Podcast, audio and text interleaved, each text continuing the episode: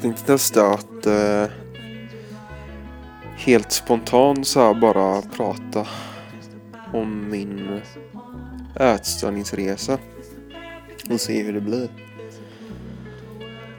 Eh, utan att eh, processera eller censurera, mina tankar utan bara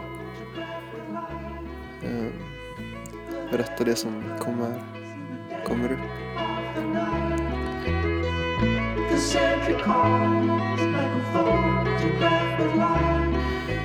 Alltså jag, jag har ju varit ätstörd större delen av mitt liv. Um, när jag var liten så var jag ju, uh, vad heter det, godis eller så här. Ja men eh, kakmonster. Eh, jag gillar allt som var sött som de flesta barn gör. Ehm, men jag åt ju så fort jag fick tillgång till uh, sötsaker så åt jag ju. Um, liksom, allt som var sött var ju gott. Jag kunde äta bara sockerbitar om det var så. Um, um, men det var inte förrän jag var typ kanske runt tio år som jag fattade att eh, socker var dåligt för kroppen. Innan dess så trodde jag att, att det bara var dåligt för tänderna.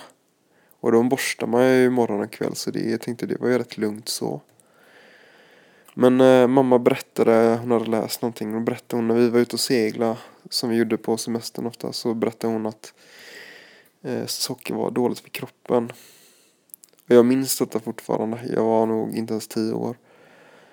Och jag bara bestämde mig för att jag inte skulle äta socker mer. Så helt tvärt. Um, för jag vill inte, eller jag ville, jag var ju väldigt mån om att jag skulle leva mitt liv till eh, dess, alltså jag skulle leva det till dess fulla potential. Och då vill inte jag att eh, då vill jag ha en bra kropp och eller vill jag ha en hälsosam kropp och sinne. Och jag vill ju maxa mitt liv på ett sätt.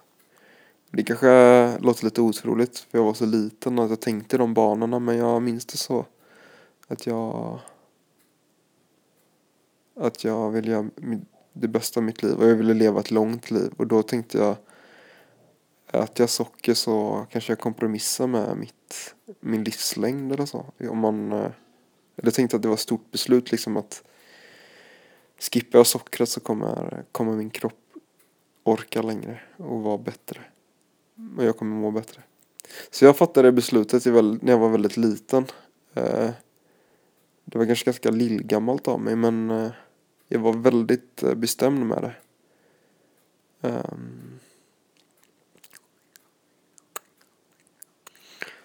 Um, och jag var väldigt disciplinerad när jag var barn. Jag också med träning. Jag tränade väldigt hårt. Uh, jag fick väldigt mycket bekräftelse när jag lyckades. När jag pressade mig själv hårt så älskar jag mig själv mer. Så det är ganska ohälsosamt egentligen. Och jag fick väl också. Jag känner mig duktig. Alltså egentligen handlar nog. Tror jag min ätstörning handlar väldigt mycket om kontroll. Jag kände liksom att jag kontrollerar mig själv och mitt liv. Dels genom att pusha mig själv till saker. Uh, som inga andra klarar av. Liksom. Och en sån sak var att inte äta godis. Jag tror jag hängde upp min självkänsla på att vara disciplinerad. Och en bit av det var att inte äta godis eller sötsaker. Sen blev det ju så med tiden då att jag kunde belöna mig själv med sötsaker. När jag, om jag till exempel hade tränat väldigt hårt eh, och tagit ut mig. Då kunde jag um, unna mig själv um, onyttiga saker. Så jag belönade mig själv när jag, var, när jag ansåg att jag själv var värd det. Ehm. Sen var jag inte jag jätte, jag menar jag åt ju så här, jag kommer ihåg att jag åt, brukade, efter skolan så brukade jag äta vaniljyoghurt med K-special och müsli. Jag menar det är ju socker i den yoghurten så att eh, jag var inte så jätte, jättestrikt egentligen. Um, fast kanske man jämför med andra barn så var jag kanske det liksom. Men sen eh, trappades det upp egentligen så att eh, ju äldre jag blev desto mindre jag plockade ju bort mer och mer livsmedel egentligen. Um, sen blev jag ju vegan också så jag plockade ju bort eh, successivt plockade jag bort animaliska produkter. Först var det för att eh, jag höll på att tävla mycket och Eh, jag fick höra av en som kunde mycket om mat att eh, mjölkprodukter eh, kan få luftvägarna att bli slemmiga eller täppa till. Så då slutade jag med vissa livsmedel för den sakens skull. Ehm, yoghurt och fil och sånt. Och det märkte jag på magen också. Jag blev ju mycket bättre egentligen efter att jag slutade med de grejerna. Så det var ju bra i och för sig för mig. Så som viss, alltså. Det är lite svårt att dra gränsen för mig vad, alltså när jag blev ätstörd och vad som var ätstörd och inte. För att på ett sätt det är ju, det är ju hälsosamt att äta nyttig mat. Eller liksom, och det är um, och det är ju bra att undvika vissa saker så att det kanske är en lite flytande gräns det där vad som var ätstört eller inte men mat har ju alltid varit en, ganska laddat för mig, så kan man ju säga. Att jag kunde ju få ångest och må dåligt om jag hade ätit något som jag ansåg att jag inte borde ha ätit. Så att, på att det var ju en akilleshäl för min självkänsla egentligen. Eh, onyttig mat eller ja, vad jag klassar som fel föda liksom. Um, men jag kommer ihåg att i tonåren så tränade jag väldigt mycket så att och jag, eh, jag kommer ihåg också att jag åt extrema mängder. Men det var ju också för att jag tränade väldigt mycket. Så jag var inte överviktig och så utan uh, jag antar att jag behövde den uh, mängden mat. Men uh, jag åt ju inget i skolan för jag tyckte det var äcklig mat där. Det var ofta saker som jag så var det när jag var liten också. Jag var ju väldigt speciell där att jag åt ju inte, jag, vissa saker tyckte jag var äckliga. Och det var ju jobbigt för mig på det sättet för att potatis, alltså det var ju mycket sådana livsmedel som, som är väldigt vanligt i Sverige. Till exempel smör, ost och potatis. De grejerna hatade jag, jag avskydde det verkligen. Så det var ganska jobbigt. Jag kommer ihåg när jag var liten, det var alltid en stor grej så här vad det skulle bli för mat. Så att Alltså, det var en bra dag om jag fick pasta till exempel med korv eller Ja, pasta, jag gillar ju pasta då. Antagligen för att det är snabba kolhydrater. Men, eh, men jag, ja, jag kan ju ta det också. Min favoriträtt var ju eh, mosad blodpudding med snabbmakaroner och sylt. Eh, en annan favoriträtt var ostkaka. Eh, Så att min smak har ju ändrats extremt mycket från när jag var liten tills idag. Idag äter jag ju bara nästan naturliga grejer. Och inget animaliskt. Men hur som helst, det var ganska... Ja, som alla barn, eller som väldigt många barn. Jag kommer ihåg det här tricket, vet att man försökte pressa ihop potatismoset och försöka gömma det liksom under ett salladsblad eller liksom få det att se mindre ut. Eh, jag kommer ihåg eh, liksom rädslan egentligen för att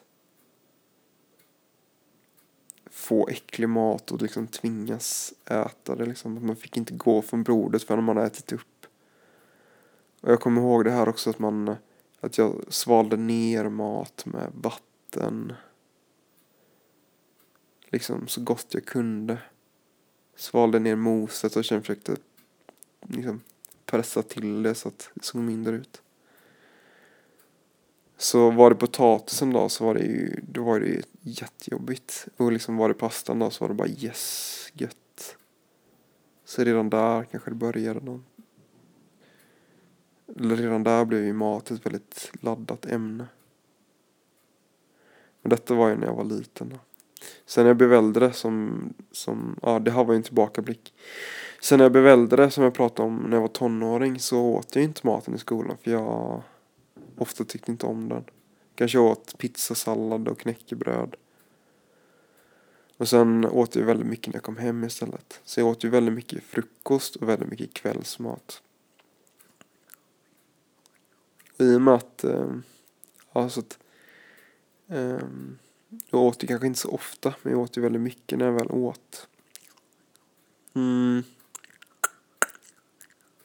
Och jag var fortfarande väldigt, ja, ganska, vet du det, kräsen kanske man kan säga och noggrann med vad jag med val av vad jag åt. Dels vad jag gillade och dels vad som var nyttigt eller onyttigt. Jag kommer ihåg att jag kunde få såna jävla cravings när jag var tonåring. Jag bara, jag måste ha mat nu. Och jag var även rädd så för att jag tränade väldigt mycket på gym och sånt också. Så när jag var hungrig så var jag rädd att eh, eh mina muskler skulle omvandlas till eh, energi för kroppen. Så här. Eller att, min, ja, att kroppen bröts ner när jag inte fick mat i tid. Uh, det var ju en sak. Och sen... Uh, jag fick ju verkligen panik typ. Jag kunde bli så panikhungrig. Jag måste ha mat nu. Och då kunde jag inte tänka på någonting annat. Det var liksom så här typ survivor. Survival mode egentligen liksom. Jag blev en uh, krigare.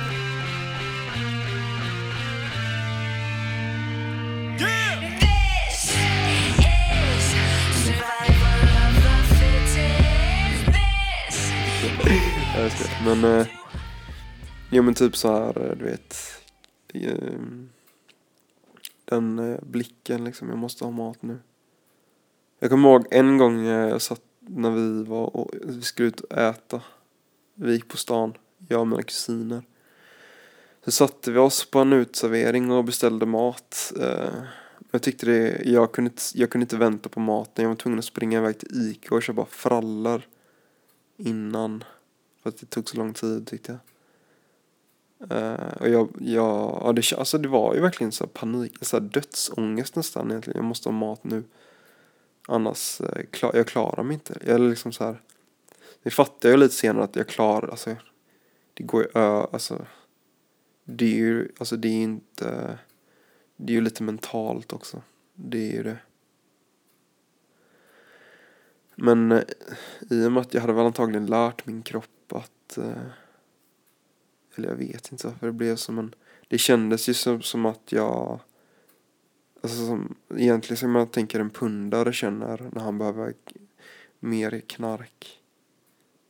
Så, så var det för mig med mat. Liksom. Det, det är väl, men det är antagligen både emotionellt, mentalt och fysiskt. De där bitarna sitter säkert ihop.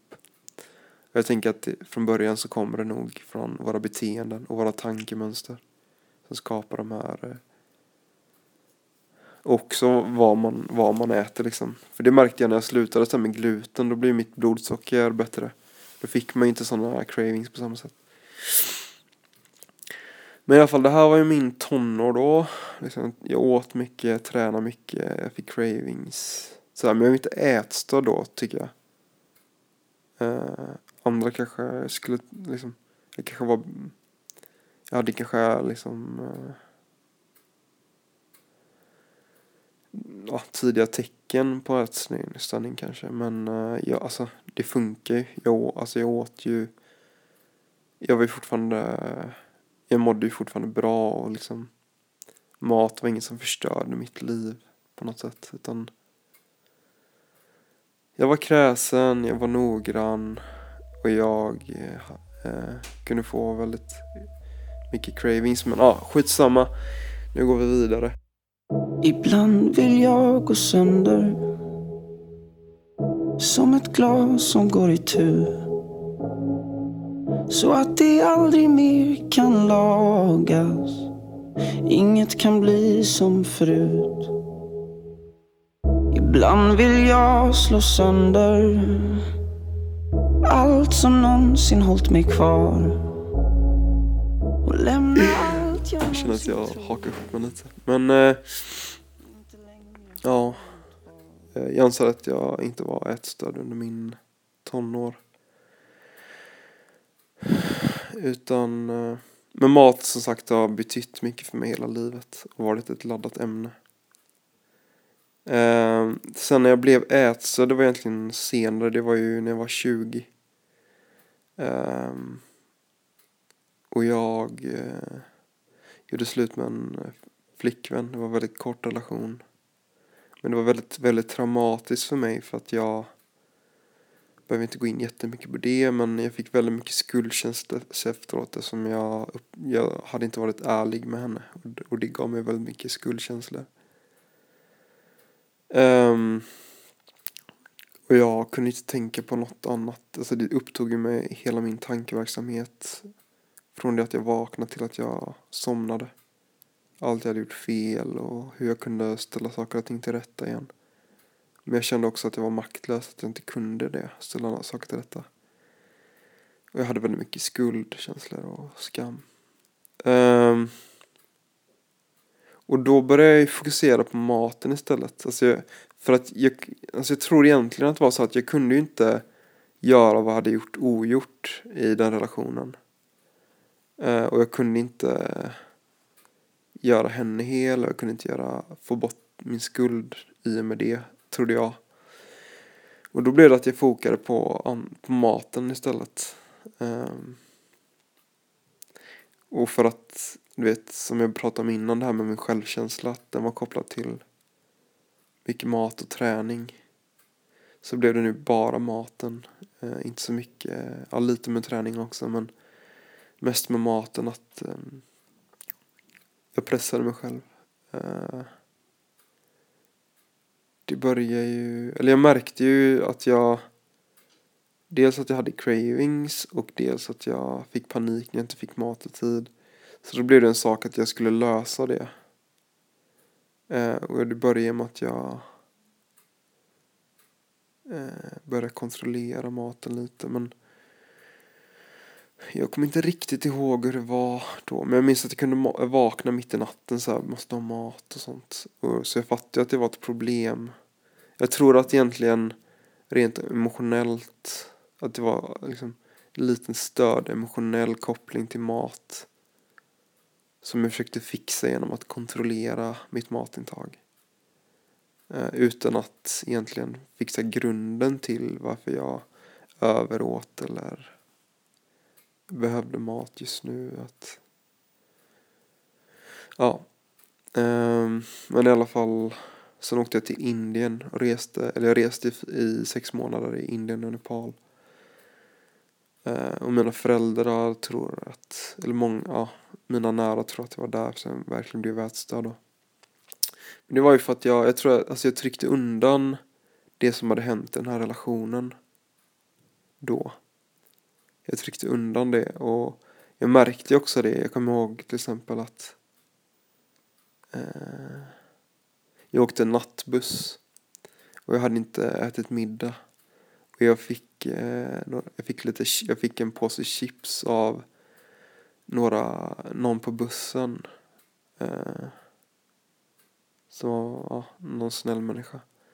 Och det gav mig väldigt, alltså det tillfredsställde mig, gjorde mig lugn. Eh, att äta någon, att få den kicken på ett sätt. Jag kommer ihåg att jag, alltså det var nog då jag blev som en, eller liksom, mitt begär trappades upp. Jag kommer ihåg att jag kunde, att jag någon gång sprang runt så här helt, lite panik. Efter mat, liksom jag sprang runt, jag behöver mat, jag behöver mat. Och jag kunde... Det var någon natt i Nepal när jag var hungrig. Eh, som jag verkligen känner mig måste ha, som är knarkig, jag behöver mat liksom. En normal, alltså en människa med normal relation till mat hade kanske bara, nej men jag äter imorgon bitti, jag, jag lägger mig och sover liksom. Men Eh, jag kunde inte det.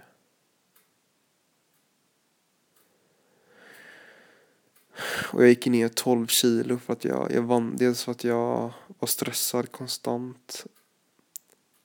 Dels av eh, inre kaos och yttre kaos.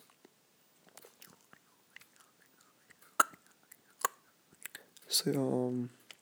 Och så vandrade jag mycket då så jag gick ner eh, 12 kilo och fick säkert brist på en massa ämnen för jag kommer ihåg att jag hade problem med balansen sen när jag kom hem.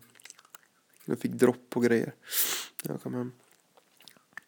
Men efter den resan så var det som att jag hade liksom förträngt lite eller tryckt undan de här jobbiga tankarna kopplat till den här relationen. Och sen var jag ju, sen var jag ätstörd. Sen blev det ju bara värre när jag flyttade hemifrån. Flyttade till Uppsala för att plugga.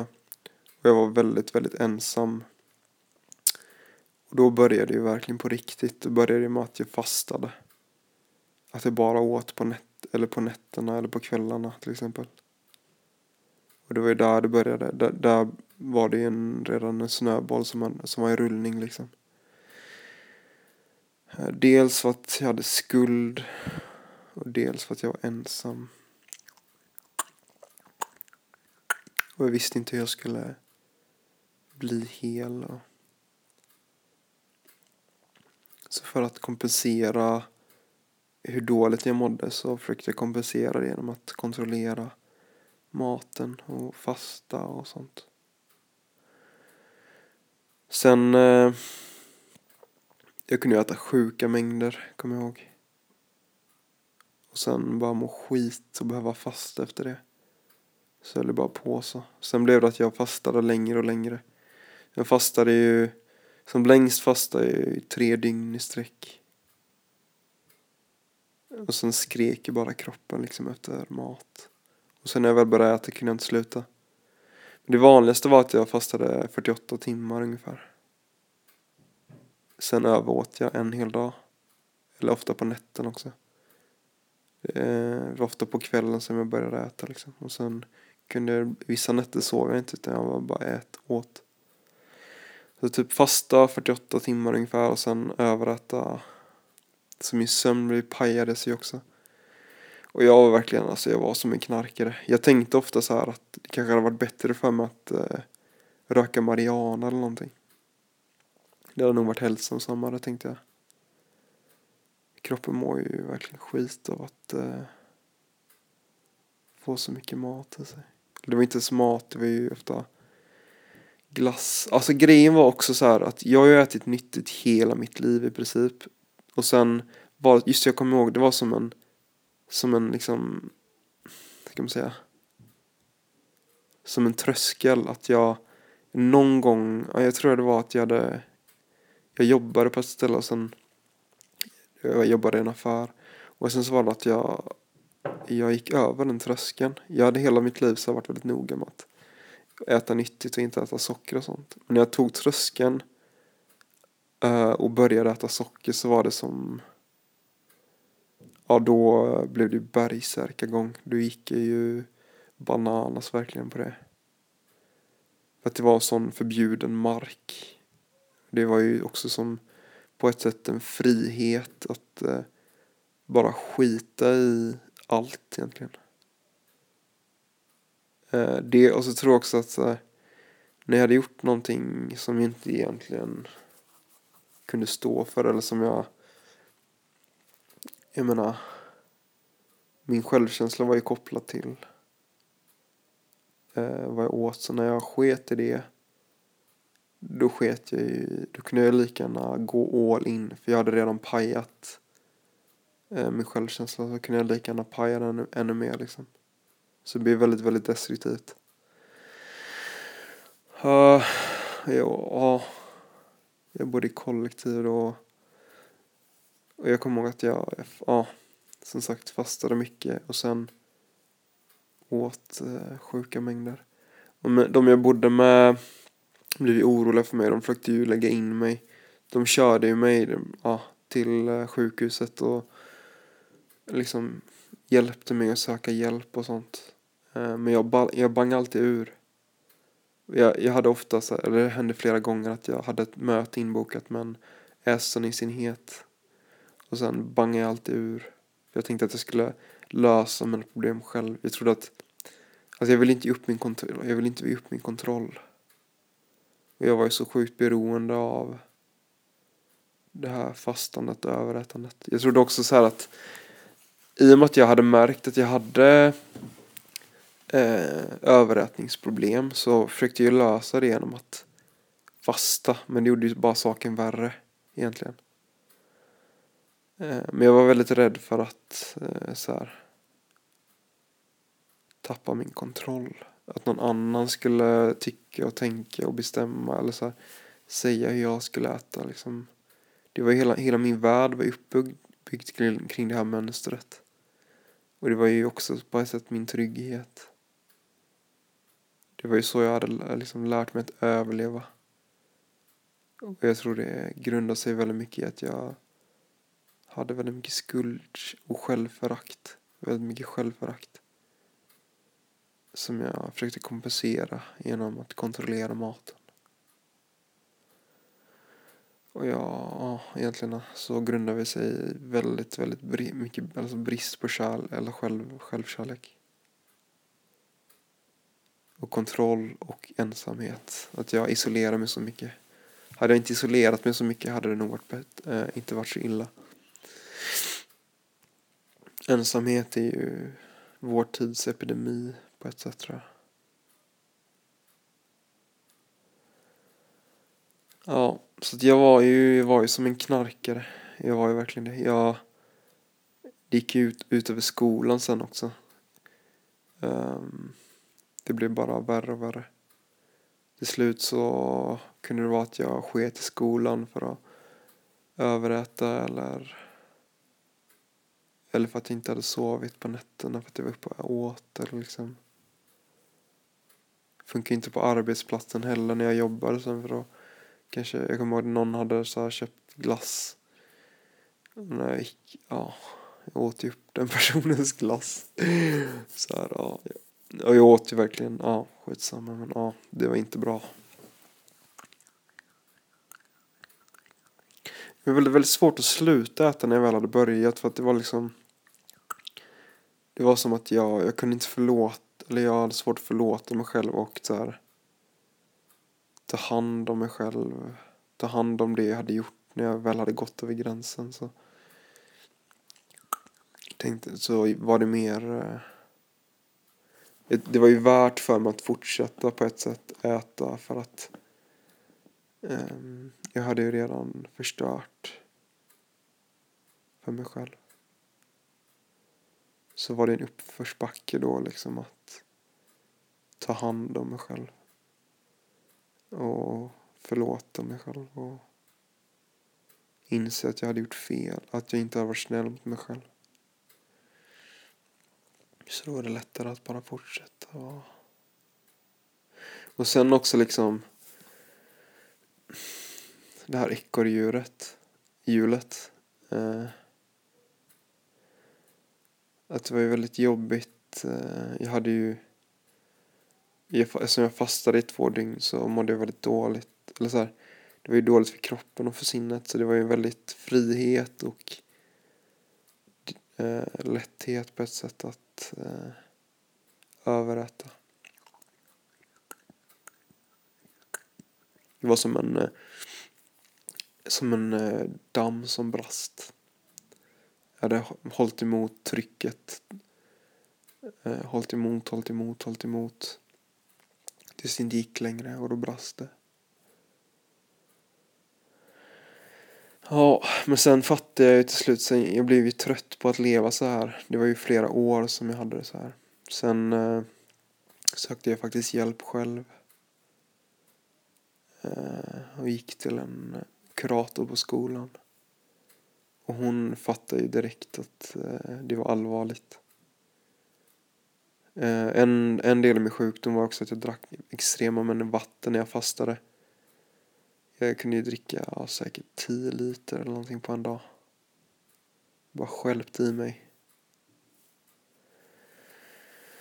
Eh, och hon visste ju att det var farligt. Så då hon åkte med mig till sjukhuset och jag blev inlagd där för jag hade för lite salt i blodet. Så fick jag så här patron med salt in, in i venerna. Eller eh, alla direkt i blodet. Så fick jag sova över där. Och jag kommer ihåg att jag inte ville åka hem. Jag ville liksom, jag var rädd för att jag, jag var rädd för jag visste att jag inte kunde ta hand om mig själv tror jag. Jag ville vara kvar där för jag kände mig trygg på sjukhuset. Och eh, omhändertagen. Så åkte jag hem och så, så bara fortsatte jag egentligen. För det här beteendet var så inövat. Eh, jag kommer ihåg att jag blev remitterad till en eh. Jag gick dit också och var på så här inskrivningsmöte men man fick inte vara vegan så då sket jag i det. För jag vill inte äta kött. Jag vill inte äta, jag tyckte jag hade, och det kan jag förstå än idag liksom att så här, jag, idag är, jag har liksom en ganska, eh, alltså en okej okay relation till mat liksom och jag är ju vegan fortfarande och trivs med det. Så det tycker jag, det var väl lite dumt av den enheten att ha det som krav att man måste äta kött och mjölk och sånt. Men det var ju för att de eh, hade sett så många veganer som var ätstörda. Så de tänkte att det är ofta förknippat med ätstörning. Så jag sket ju det liksom. Jag gick ju inte dit någon mer för jag ville äta. Ah, jag, jag kunde inte tänka mig att äta kött och det kan jag ändå relatera till idag. Idag kan jag inte heller tänka mig att äta kött. Och nu är jag ju frisk, eller relativt frisk. Men sen fick jag ju psykos och den blev ju utlöst, eller antagligen på grund av många års eh, emotionell, att jag inte tog hand om mig själv mentalt och emotionellt och att jag var väldigt, väldigt ensam och eh, åt extremt stört. Eller mitt ätmönster var extremt stört. Så jag fick psykos Sen efter psykosen så fick, eller jag fick ju medicin då. Och den medicinen har ju hjälpt mig mycket. Eh, den eh, stabiliserar ju hjärnan. Och lugnade mig emotionellt och mentalt. Så efter det har, jag, har det varit mycket, mycket bättre. Idag äter jag ju också medicin och det hjälper ju mig. Så och sen jobbar jag mig själv, liksom försöker att inte, liksom. Jag läser en bok som heter En kurs i mirakler. Som är mental träning egentligen. Meditation och eh, affirmationer. Och mantran eller så meningar som man ska tänka på och upprepa under dagen. Ta lite eh, paus under dagen för att bara känna in och finna lugn och fokusera på på äh, kärleksfulla tankar. Så det hjälper mig. Äh, men ah, alla, allas resor är ju unika liksom, så är det ju. Och jag skulle inte rekommendera min resa till någon annan för att jag har verkligen gått igenom ett helvete. Att ha psykos är det värsta jag kan. Jag kan inte tänka mig något värre än det. Men det var ju också ett wake-up call. Det ledde också till att jag fick hjälp. Att jag fick medicin och att jag fick... Eh, ehm, eh, fick medicin som kunde hjälpa mig att finna lugn och tillräckligt mycket lugn för att jag skulle kunna göra hälsosammare val. Ehm. Och därifrån hitta en bra plattform att, att eh, jobba med mig själv. Ta mig själv eh, skapa ett liv som jag trivs med. Så det, ja jävlar alltså vad det det är sjukt. vad jag, ja. Kan inte fatta att jag orkar gå igenom allt det här men.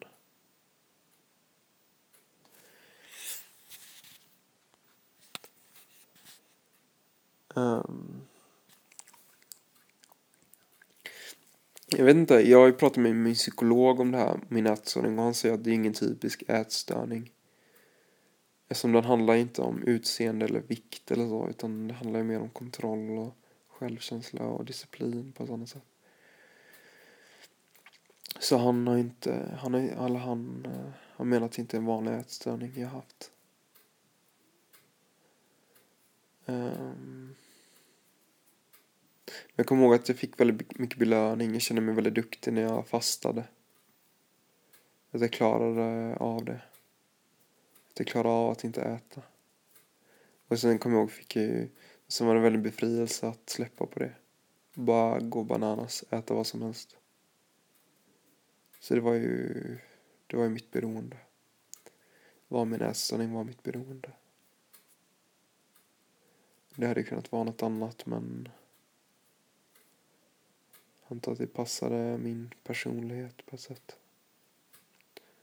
Eller mitt ego kanske man ska säga.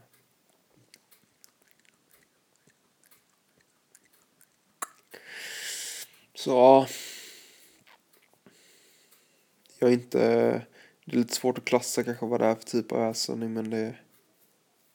Eh, det här med klassificering och diagnoser och sånt är ju ändå bara mänskliga konstruktioner för att lättare förstå eller så. För att förenkla verkligheten. Men eh, jag har inte heller haft bulimi eller ja, man, ja, kanske jag kan kalla det, jag vet inte vad man ska kalla det. Jag har spytt ett, liksom, ett, ett fåtal gånger. Men inte för att jag, ja, för att jag mådde så jävla dåligt för att jag hade ätit så mycket.